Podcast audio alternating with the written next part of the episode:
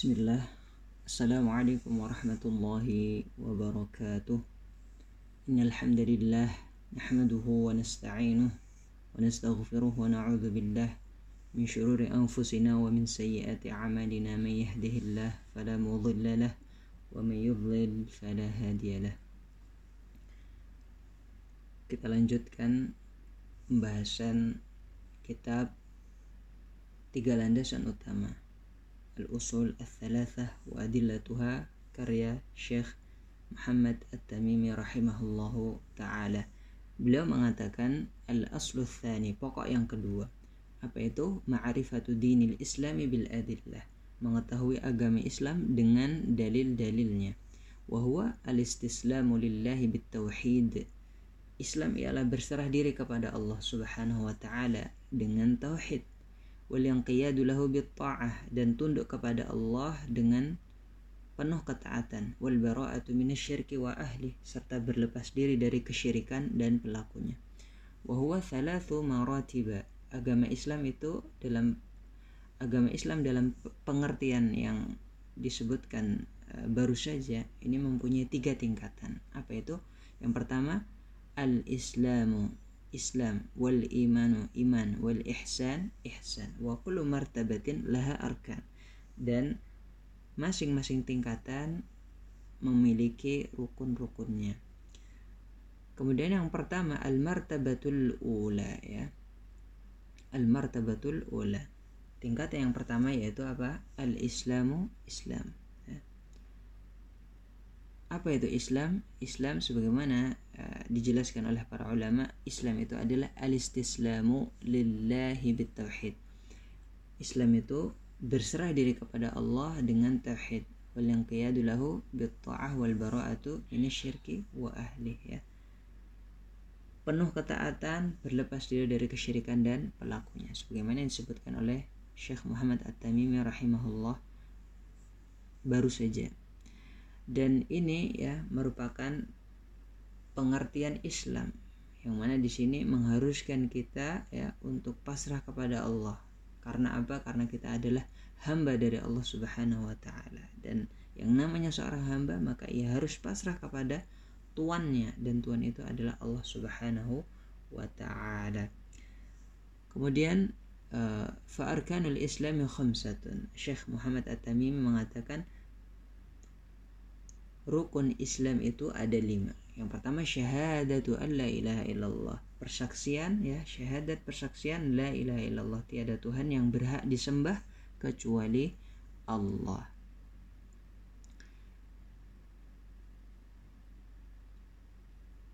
Kemudian wa anna Muhammadar Rasulullah dan bahwasanya Nabi Muhammad adalah utusan Allah wa iqamus salah ya mendirikan salat wa itauz zakah menunaikan zakat wa shaumu ramadan puasa di bulan suci Ramadan wa hajju baitillahil haram dan haji ke Baitullah al-Haram. Fadalilu syahadati qawlu ta'ala adapun dalil syahadat la ilaha illallah ya. apa dalilnya bahwasanya syahadat la ilaha illallah merupakan rukun Islam? Dalilnya adalah firman Allah taala dalam surah Ali Imran ayat 18 syahidallahu annahu la ilaha illa huwa wal malaikah wa ulul ilmi qa'iman bil qist. La ilaha illa huwal azizul hakim. Allah menyatakan bahwasanya tiada sesembahan yang hak selain Allah. Dengan senantiasa menegakkan keadilan. Dan juga mengatakan demikian itu ya para malaikat orang-orang yang berilmu. Dan tiada sesembahan yang hak selain Allah yang maha perkasa lagi maha bijaksana. Wa ma'naha dan makna la ilaha illallah yaitu la ma'budu bihaqqin illallah. Maknanya adalah makna la ilaha illallah adalah tiada sesembahan yang berhak disembah selain Allah taala. Dan syahadat ya ini mengandung dua unsur ya. Sebagaimana disebutkan oleh Syekh Muhammad At-Tamim rahimahullah beliau mengatakan la ilaha ya. Ada dua unsur. Yang pertama uh, nafian ya nafyun uh, peniadaan. Kemudian ada ifbatun penetapan ya. Syekh Muhammad At-Tamimi mengatakan la ilaha ya. kalimat la ilaha nafian jami'a ma yu'badu min dunillah adalah meniadakan segala sembahan selain Allah. Illallah ya. Syekh Muhammad At-Tamimi mengatakan illallah muthbitan al-ibadata lillahi wahdah la syarika lahu fi ibadatih kama annahu la syarika lahu fi mulkih.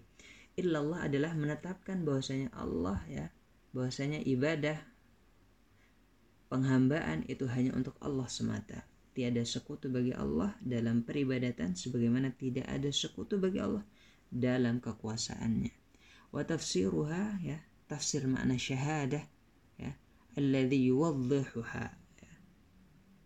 qauluhu ta'ala tafsir makna syahadat ya diperjelas dengan firman Allah Subhanahu wa taala dalam surah uh,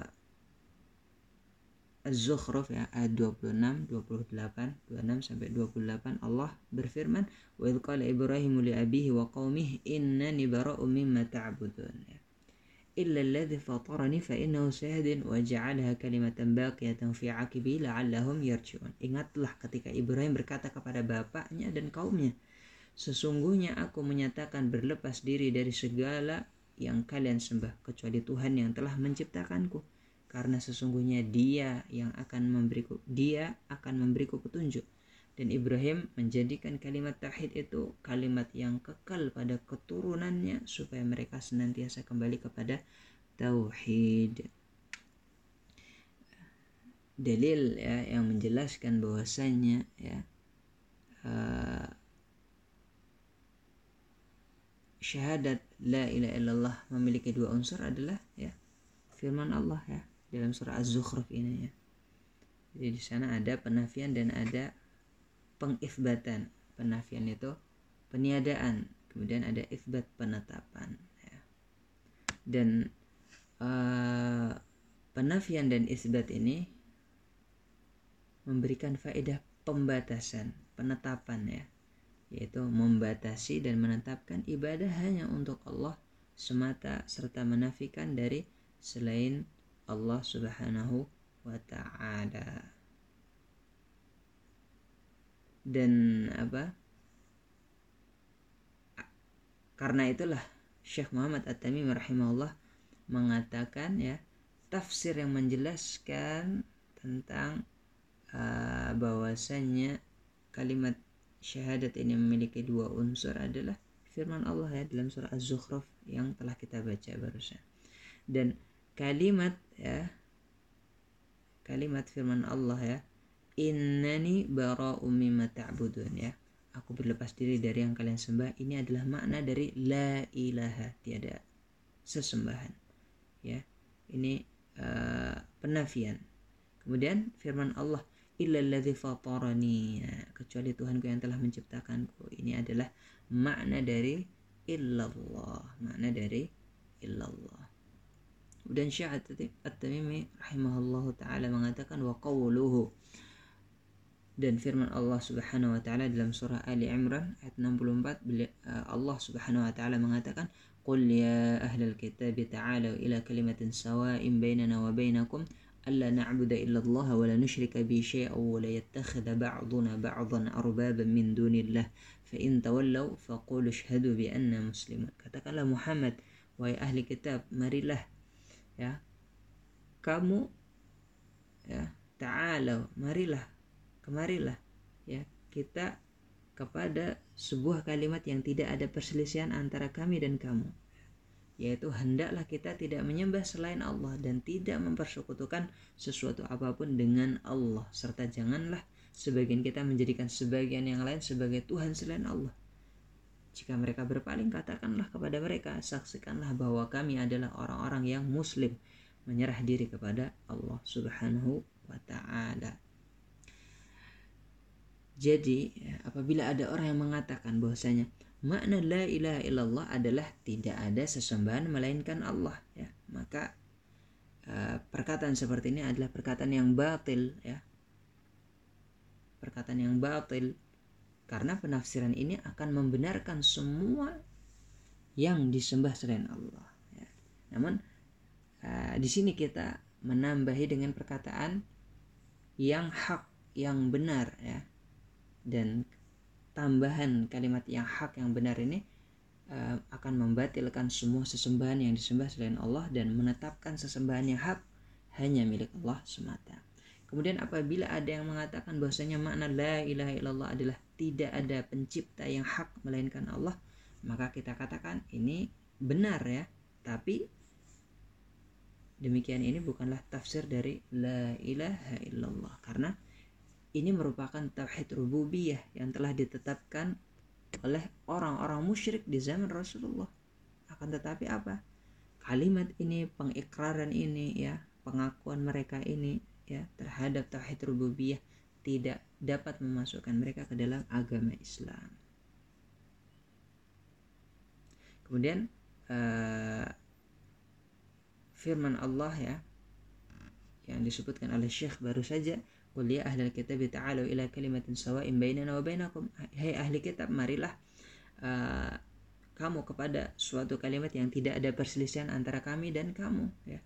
Ayat ini ya merupakan bantahan ya, bantahan atas apa? Atas ajakan orang-orang ya liberal contohnya yang mereka ingin mempersatukan semua agama. Ya, bahwasanya semua agama sama. Dan ini merupakan bantahan ayat ini bantahan terhadap mereka. Kemudian Syekh At-Tamimi, Syekh Muhammad At-Tamimi rahimahullah mengatakan wa dalilu syahadati anna Muhammad Rasulullah qauluhu ta'ala. Adapun dalil persaksian bahwasanya Muhammad itu Rasulullah yaitu firman Allah dalam surah At-Taubah ayat 128 laqad ja'akum rasulun min anfusikum azizun 'alaihi ma 'anittum harisun 'alaikum bil mu'minina raufur rahim. Sungguh telah datang kepadamu seorang rasul dari kalangan kamu sendiri, terasa berat olehnya penderitaanmu. Dia sangat menginginkan keimanan dan keselamatan untuk kalian dan amat belas kasih lagi penyayang kepada orang-orang yang beriman. Ya, penulis rahimahullah membawakan ayat ini sebagai dalil persaksian bahwasanya asyhadu anna Muhammad Rasulullah Muhammad itu adalah utusan Allah. Di mana dalam ayat ini Allah telah memperkuat persaksian ini dengan tiga penguat. Apa saja itu? terdapat dalam uh, kalimat kata sumpah yang disembunyikan ya tidak dilafatkan dalam ayat ini sebagaimana yang disebutkan oleh Syekh Haytham Sarhan bahwasanya dalam ayat ini mengandung kata sumpah namun kata sumpah itu tidak diperlihatkan disembunyikan kemudian di sana ada penguat yang kedua yaitu huruf lam laqad huruf lam yang pertama dalam huruf pertama dalam ayat ini ya Kemudian yang ketiga apa? Lafat kode ya. Kode. Kalau secara uh, bahasa lam di sini bermana niscaya ya. Kemudian kode sungguh telah ya. Jadi dikuatkan dengan tiga penguat bahwasanya uh, Allah menyaksikan dalam ayat ini bahwasanya Nabi Muhammad Shallallahu Alaihi Wasallam adalah utusan Allah. Wa makna syahadati anna Muhammad Rasulullah dan makna persaksian bahwasanya Muhammad itu adalah utusan Allah yaitu apa? Ta'atuhu fima amar. Yang pertama yaitu menaati apa yang diperintahkan oleh Nabi Muhammad sallallahu alaihi wasallam. Kemudian wa tasdiqu fima akhbar, membenarkan apa yang diberitakannya. Kemudian wajtinabu ma'anhu naha wa zajar, menjauhi apa yang dilarang dan dicegahnya. Kemudian yang terakhir wa alla yu'badallah illa bima tidak beribadah kepada Allah melainkan dengan apa yang disyariatkan oleh Nabi Muhammad Shallallahu Alaihi Wasallam ya. Jadi kandungan persaksian bahwasanya Nabi Muhammad adalah Rasulullah ya. Beliau adalah hamba tidak boleh disembah dan beliau adalah Rasul yang tidak boleh didustakan ya. Kandungannya ada empat ya kalau kita menyaksikan bahwasanya Nabi Muhammad adalah utusan Allah, berarti kita harus merealisasikan empat hal.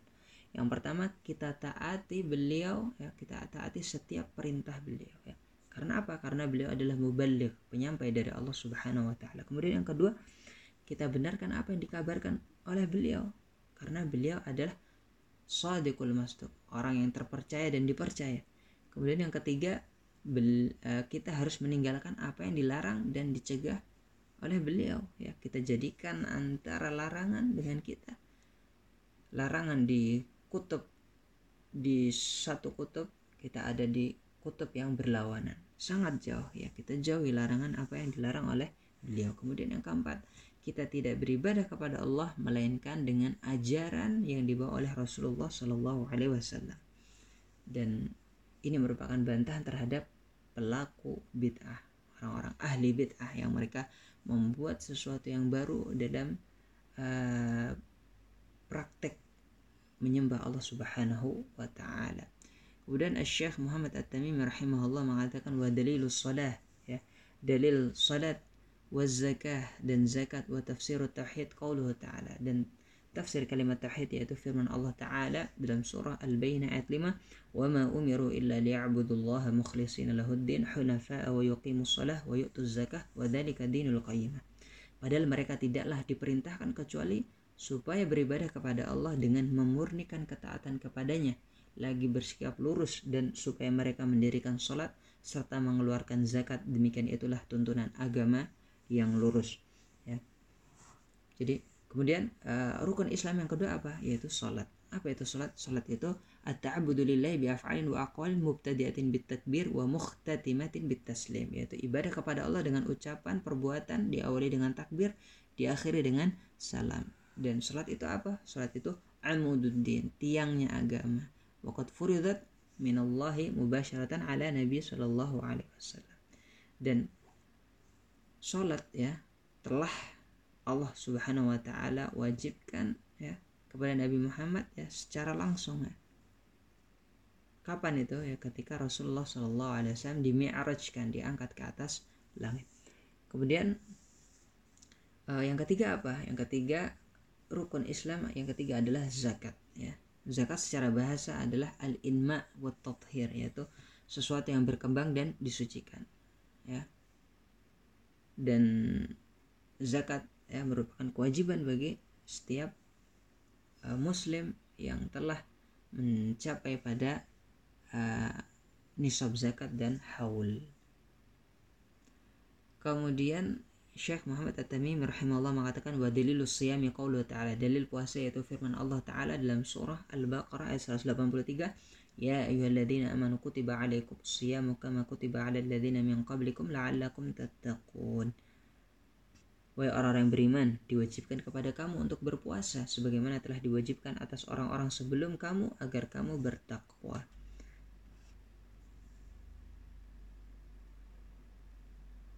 Kemudian uh, Syekh Muhammad At-Tami menjelaskan di sini uh, rukun Islam yang keempat adalah puasa puasa secara bahasa yaitu apa?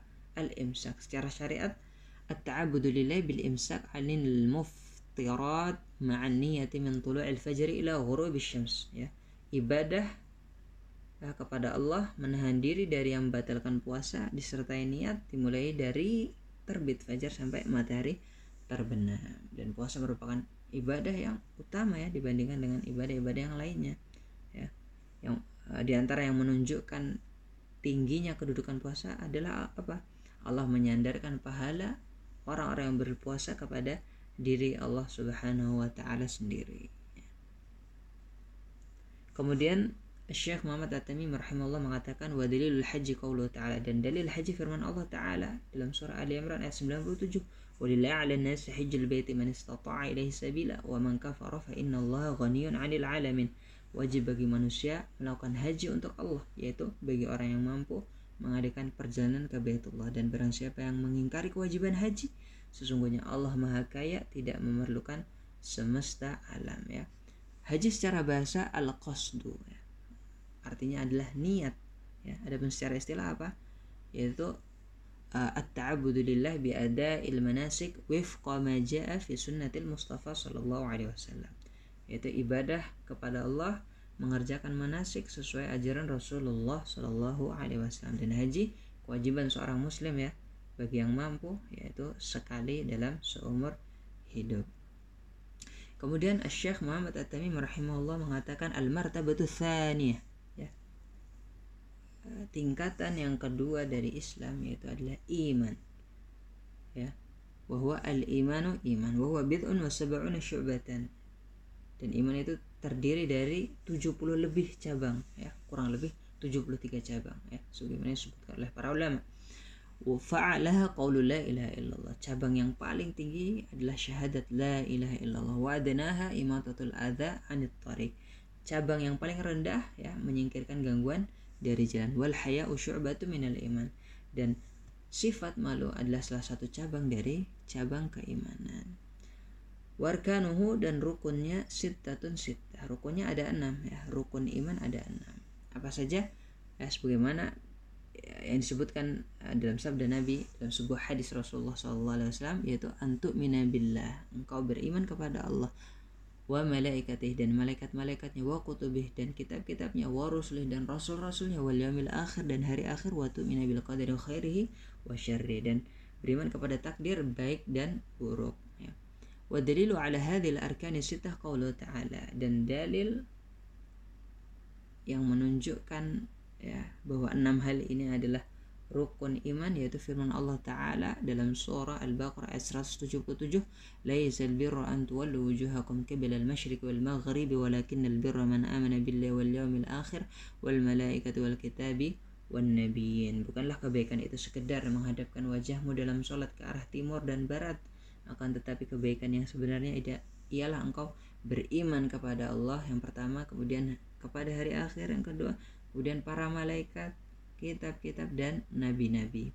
Kemudian sisa satu ya, rukun yang keenam yaitu uh, disebutkan oleh Syekh Muhammad At-Tamimi At-Tamimi rahimahullah wa dalilul qadari qauluhu ta'ala dan dalil takdir adalah firman Allah taala dalam surah Al-Qamar ayat 49 inna kulla syai'in khalaqnahu biqadar sesungguhnya kami menciptakan segala sesuatu menurut ukuran ya.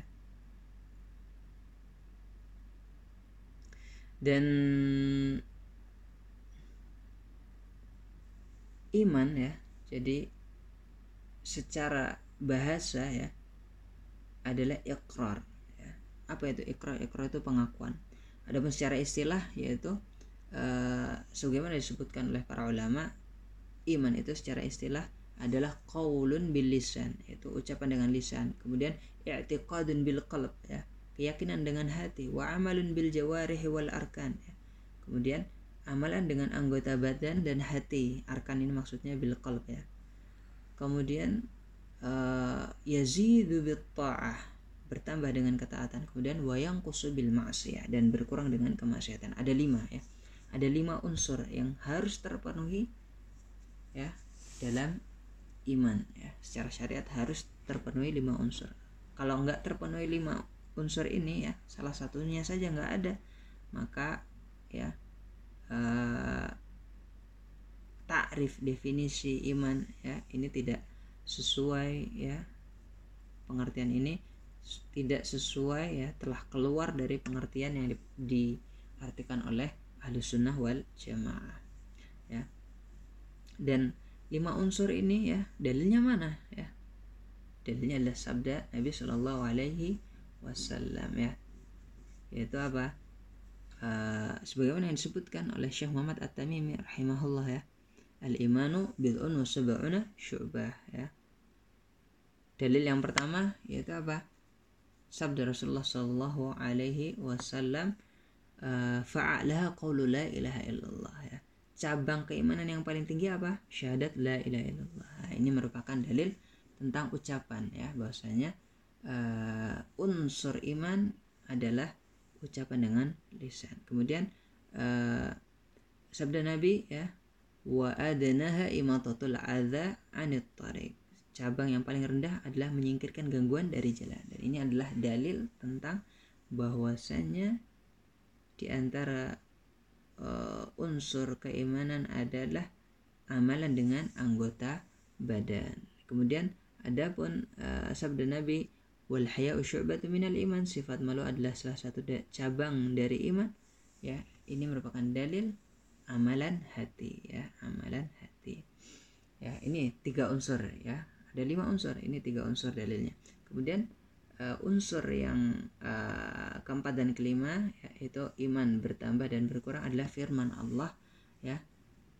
Yaitu apa? Firman Allah subhanahu wa ta'ala dalam surah al-anfal Allah Subhanahu wa taala mengatakan ayyukum zadathu hadhihi imana ya. Allah Subhanahu wa taala mengatakan dalam surah Al-Anfal ayat 124 eh bukan Al-Anfal ya afwan. Surat At-Taubah ayat 124 ayyukum zadatu hadhi iman. Siapa di antara kalian yang bertambah imannya ya? Ini dalil bahwasanya iman itu bertambah. Kalau iman bertambah pasti juga akan berkurang ya. Kemudian Syekh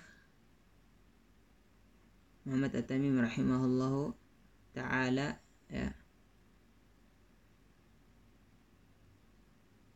mengatakan uh, dan wadalilu al-qadari wa wadalilu al-qadari qawluhu ta'ala ya dalil qadar adalah firman Allah ta'ala inna kulla syai'in khalaqnahu biqadar ya Dalil takdir adalah firman Allah Ta'ala dalam surah Al-Qamar ayat 49. Sesungguhnya kami menciptakan segala sesuatu menurut ukuran. Nah, ini adalah uh, rukun iman yang ke enam yaitu beriman dengan takdir baik yang takdir itu baik maupun takdir yang buruk. Kemudian ya, jadi rukun iman itu ada enam ya, ada enam. Dan rukun yang pertama yaitu beriman kepada Allah. Ya. Beriman kepada Allah ini melazimkan empat perkara ya. Yang pertama beriman dengan wujud Allah ya. Kemudian beriman dengan tauhid rububiyah. Kemudian beriman dengan tauhid uluhiyah dan yang terakhir beriman dengan tauhid asma was sifat ya. Dan ya, beriman dengan wujud Allah ini terrealisasi dengan empat perkara. Yang pertama dengan akal ya, karena mustahil bagi akal dia akan menggambarkan adanya makhluk tanpa ada sang pencipta. Kemudian yang kedua dengan perasaan, dengan his ya, bisa dirasakan ya ketika dalam kesempitan, dalam bahaya ya, seseorang akan mengangkat tangan dan berdoa wahai Tuhanku ya. Kemudian setelah itu akan kita akan memperoleh uh, kelonggaran ya dari kesulitan itu dengan izin Allah Subhanahu wa taala. Kemudian dengan fitrah juga ya. Sebagaimana sabda Nabi uh, kullu mauludin yuladu 'alal fitrah ya. Setiap uh, manusia ya dilahirkan di atas fitrahnya. Dan fa'abawahu yuhawidanihi au yunasrani au yumajjisani ya kedua orang tuanya lah yang menjadikan dia Yahudi atau Nasrani atau Majusi. Kemudian yang keempat yaitu dengan syariat. Ya sebagaimana uh, disebutkan ya disebutkan oleh Ibnu Qayyim rahimahullah beliau mengatakan tidak ada satu ayat pun dalam Al-Qur'an melainkan di dalamnya ada dalil tentang tauhid. Kemudian rukun yang kedua ya itu beriman kepada para malaikat. Malaikat ini adalah makhluk ya, makhluk alam gaib yang Allah ciptakan dari cahaya ya.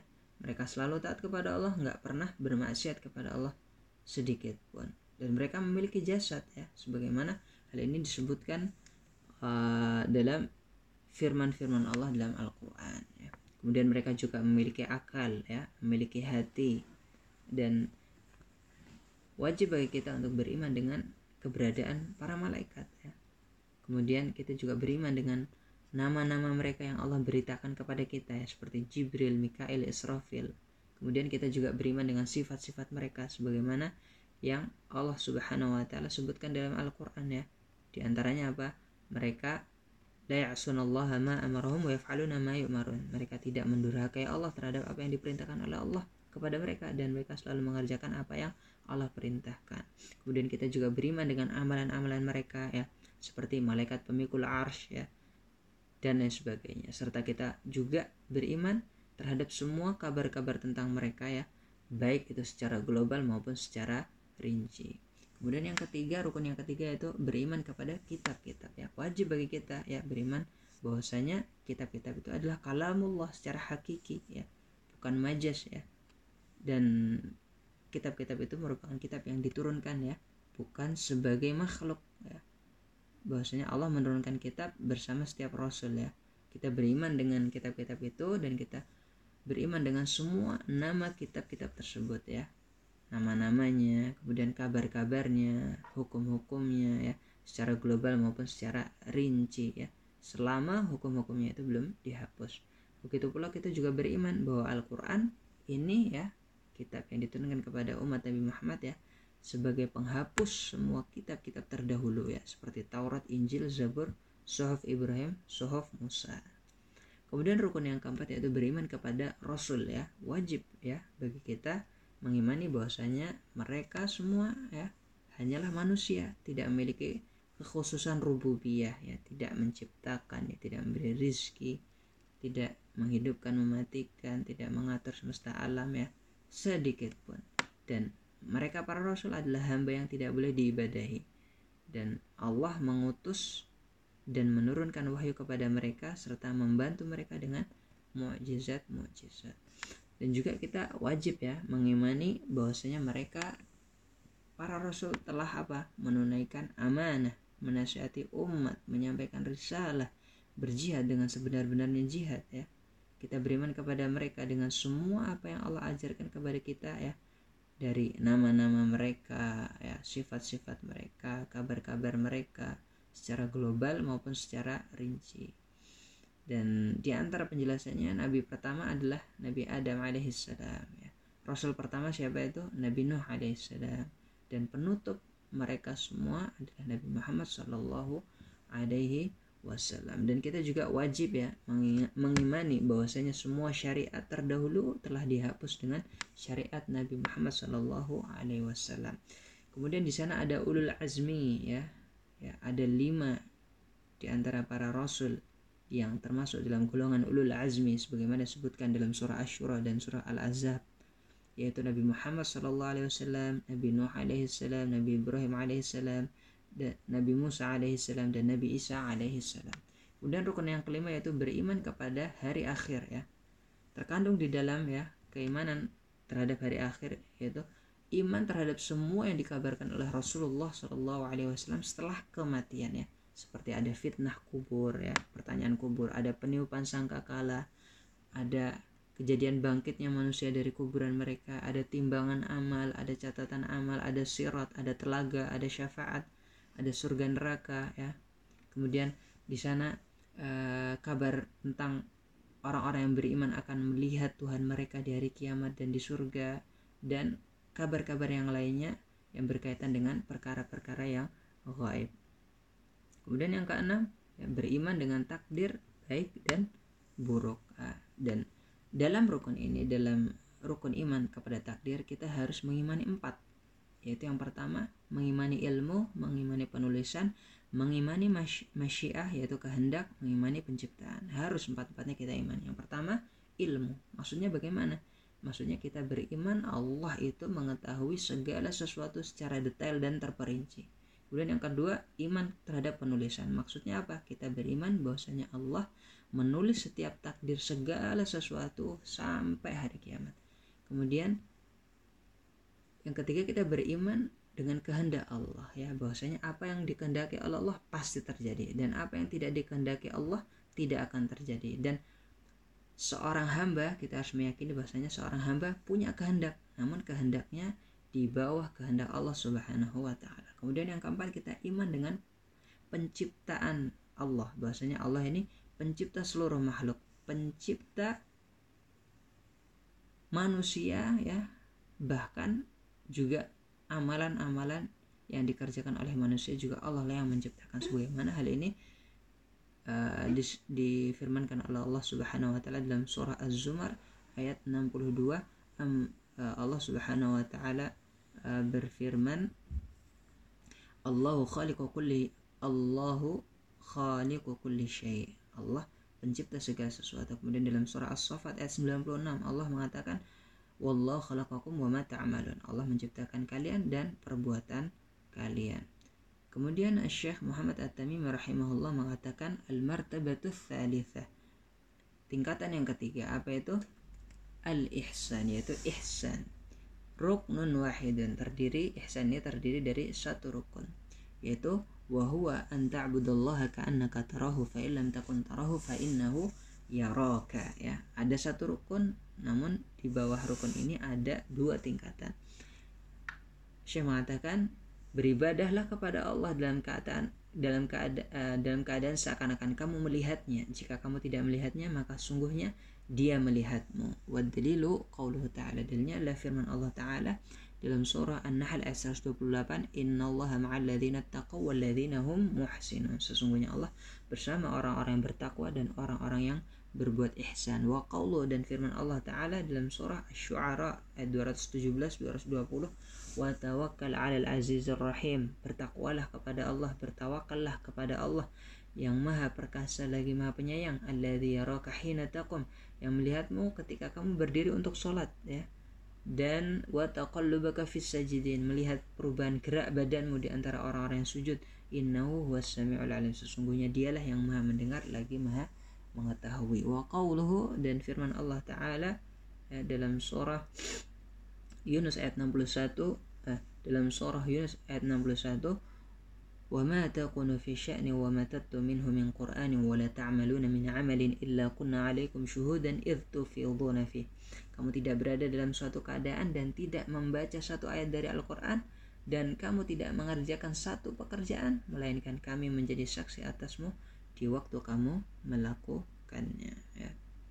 Jadi di sini Syekh Muhammad At-Tamim rahimahullah uh, menjelaskan tentang tingkatan Islam yang ketiga yaitu ada al-ihsan ya. Tingkatan agama yang pertama yang ketiga yaitu al-ihsan. Dan ihsan rukunnya hanya satu dan di bawah rukun ini ada dua tingkatan yaitu yang pertama persaksian, kemudian yang kedua muraqabah ya. Yang pertama yaitu ibadah musyahadah persaksian yaitu. Ibadah yang apa? Ibadah yang disertai dengan cinta harapan kerinduan terhadap apa yang ada di sisi Allah Subhanahu wa taala. Kemudian yang kedua ada ibadah muraqabah yaitu ibadah merasa di, diawasi yaitu ibadah yang diiringi dengan rasa takut. Dan perlu digarisbawahi diberi catatan bahwasanya uh, mereka yang dimaksudkan dalam penjelasan kali ini mereka yang sudah pada tingkat ihsan ya kedudukan ihsan ya. Ini bukanlah maksudnya bahwasanya mereka ketika beribadah hanya menghadirkan cinta saja kepada Allah tanpa adanya ketakutan dalam hatinya akan tetapi yang dimaksud di sini adalah bahwa pendorong yang paling kuat bagi seorang hamba ketika beribadah kepada Allah adalah cinta kepada Allah ya. Ya sebagaimana perkataan Nabi Muhammad Shallallahu Alaihi Wasallam ketika ditanya ya tentang ibadah beliau yang banyak sekali ya sampai kaki beliau bengkak ya sampai betis beliau bengkak apa yang beliau katakan? Afala aku abdan syakura. Nggak bolehkah aku menjadi orang yang menjadi hamba yang bersyukur ya? Ya dalilu minas sunnah. Dan dalil ya dari sunnah yaitu apa hadis Jibrailul masyhur an Umar radhiyallahu anhu dalilnya adalah hadis Jibril yang terkenal yang diriwayatkan dari Umar bin Khattab radhiyallahu anhu qala beliau berkata bainama nahnu inda Rasulullah sallallahu alaihi wasallam dzata yaumin suatu hari kami sedang duduk-duduk ya di sisi Rasulullah sallallahu alaihi wasallam اطلع علينا رجل شديد بياض الثياب شديد سواد الشعر لا يرى عليه أثر السفر ولا يعرفه منا أحد tiba-tiba datang seorang laki-laki ya pakai baju yang sangat putih rambutnya sangat hitam nggak nampak darinya bekas-bekas perjalanan jauh. Ini bukan orang jauh. Nggak kelihatan bahwasanya dia barusan safar ya. Dan tidak ada seorang pun dari kami yang mengenalnya ya. Hatta jalasa ila nabi sallallahu alaihi wasallam fa asnada rukbatayhi ila rukbatayhi wa wada'a kaffayhi ala fakhidayhi sampai akhirnya kemudian dia duduk di hadapan Nabi ya tiba-tiba. Lalu menempelkan kedua lututnya kepada lutut Nabi ya. Lalu meletakkan dua tangannya ya di atas pahanya ya. Waqal kemudian dia berkata ya Muhammad akhbirni anil Islam. Hai Muhammad beritahu kepadaku apa itu Islam Faqala Rasulullah sallallahu alaihi wasallam Nabi mengatakan al-islamu an tashhada an la ilaha illallah wa anna Muhammadar Rasulullah wa tuqima shalah wa tu'ti zakah wa tasuma Ramadan wa tahujjal baita in istata'ta ilaihi sabila. Islam adalah engkau bersaksi bahwa tiada ilah sesembahan yang berhak disembah selain Allah, bahwa Nabi Muhammad utusan Allah, engkau mendirikan sholat, menunaikan zakat, puasa di bulan Ramadan, menunaikan haji jikalau menunaikan haji jikalau mampu. Qala kemudian laki itu mengatakan sodaqata benar engkau anda benar ya. Qala fa'ajibna lahu yas'aluhu wa yusaddiquh kami heran semuanya. Dia nanya dia juga yang membenarkan. Qala fa'akhbirni 'anil iman. Kemudian dia berkata lagi beritahulah kepadaku apa itu iman. Qala Qala an tu'mina billahi wa malaikati wa kutubi wa rusuli wal yawmil akhir wa tu'mina bil qadari khairi wa syarri itu engkau beriman kepada Allah, malaikat-malaikatnya, kitab-kitabnya, rasul-rasulnya, hari akhir, iman kepada qadar yang baik maupun yang jelek. Qala kemudian dia berkata kata benar engkau, Anda benar. Qala fa akhbirna 'anil ihsan. Kemudian raja itu berkata lagi, kabarkan kepada apa itu ihsan. Qala Nabi an ta'budallaha ka'annaka tarah. Ihsan itu ya engkau beribadah ya. Engkau beribadah kepada Allah seakan-akan engkau melihatnya ya. Fa'ilam takun tarah fa'innahu yarok ya. Jika engkau tidak melihatnya maka yakinlah dia melihatmu ya. Qala fa akhbirni 'anis sa'ah. Kemudian dia berkata lagi bertanya lagi kabarkan beritahu kepada gua tentang hari kiamat beliau mengatakan qala mal mas'ulu anha bi'ala minas sa'il nabi mengatakan orang yang ditanya tidak lebih tahu daripada yang bertanya Qala fa'akhbirni an amaratiha. Lalu dia mengatakan, beritahukan kepadaku tentang tanda-tanda kiamat. Beliau mengatakan, antalidal amatu qala antalidal amatu rabbataha ya. Ketika ketika apa? Seorang hamba melahirkan tuannya. Antara al-hufat al-urat al-alata ri'a asya'i yatatawaluna fil bunyan dan jika engkau melihat seorang bertelanjang kaki dan bertelanjang dada, miskin, pengembala domba, eh, mereka berlomba-lomba meninggikan bangunan-bangunan mereka. Qala famadha ya. Kemudian laki itu berlalu ya. Falabithna malia. Kemudian kami semua uh, hening ya. Terdiam sejenak. Faqala ya Umar. Kemudian Nabi mengatakan, "Ya Umar, atadri man Tahukah engkau siapa yang bertanya tadi wahai Umar? Kemudian kultu Allah wa Rasuluh alam. Umar mengatakan, aku mengatakan Allah dan Rasulnya lebih mengetahui.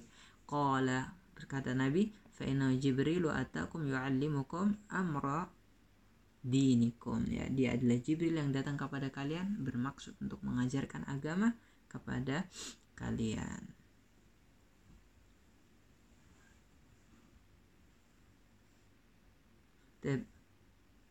Demikianlah yang bisa ana sampaikan. Barakallahu fiikum wabillahi taufiq wal hidayah. Assalamualaikum warahmatullahi wabarakatuh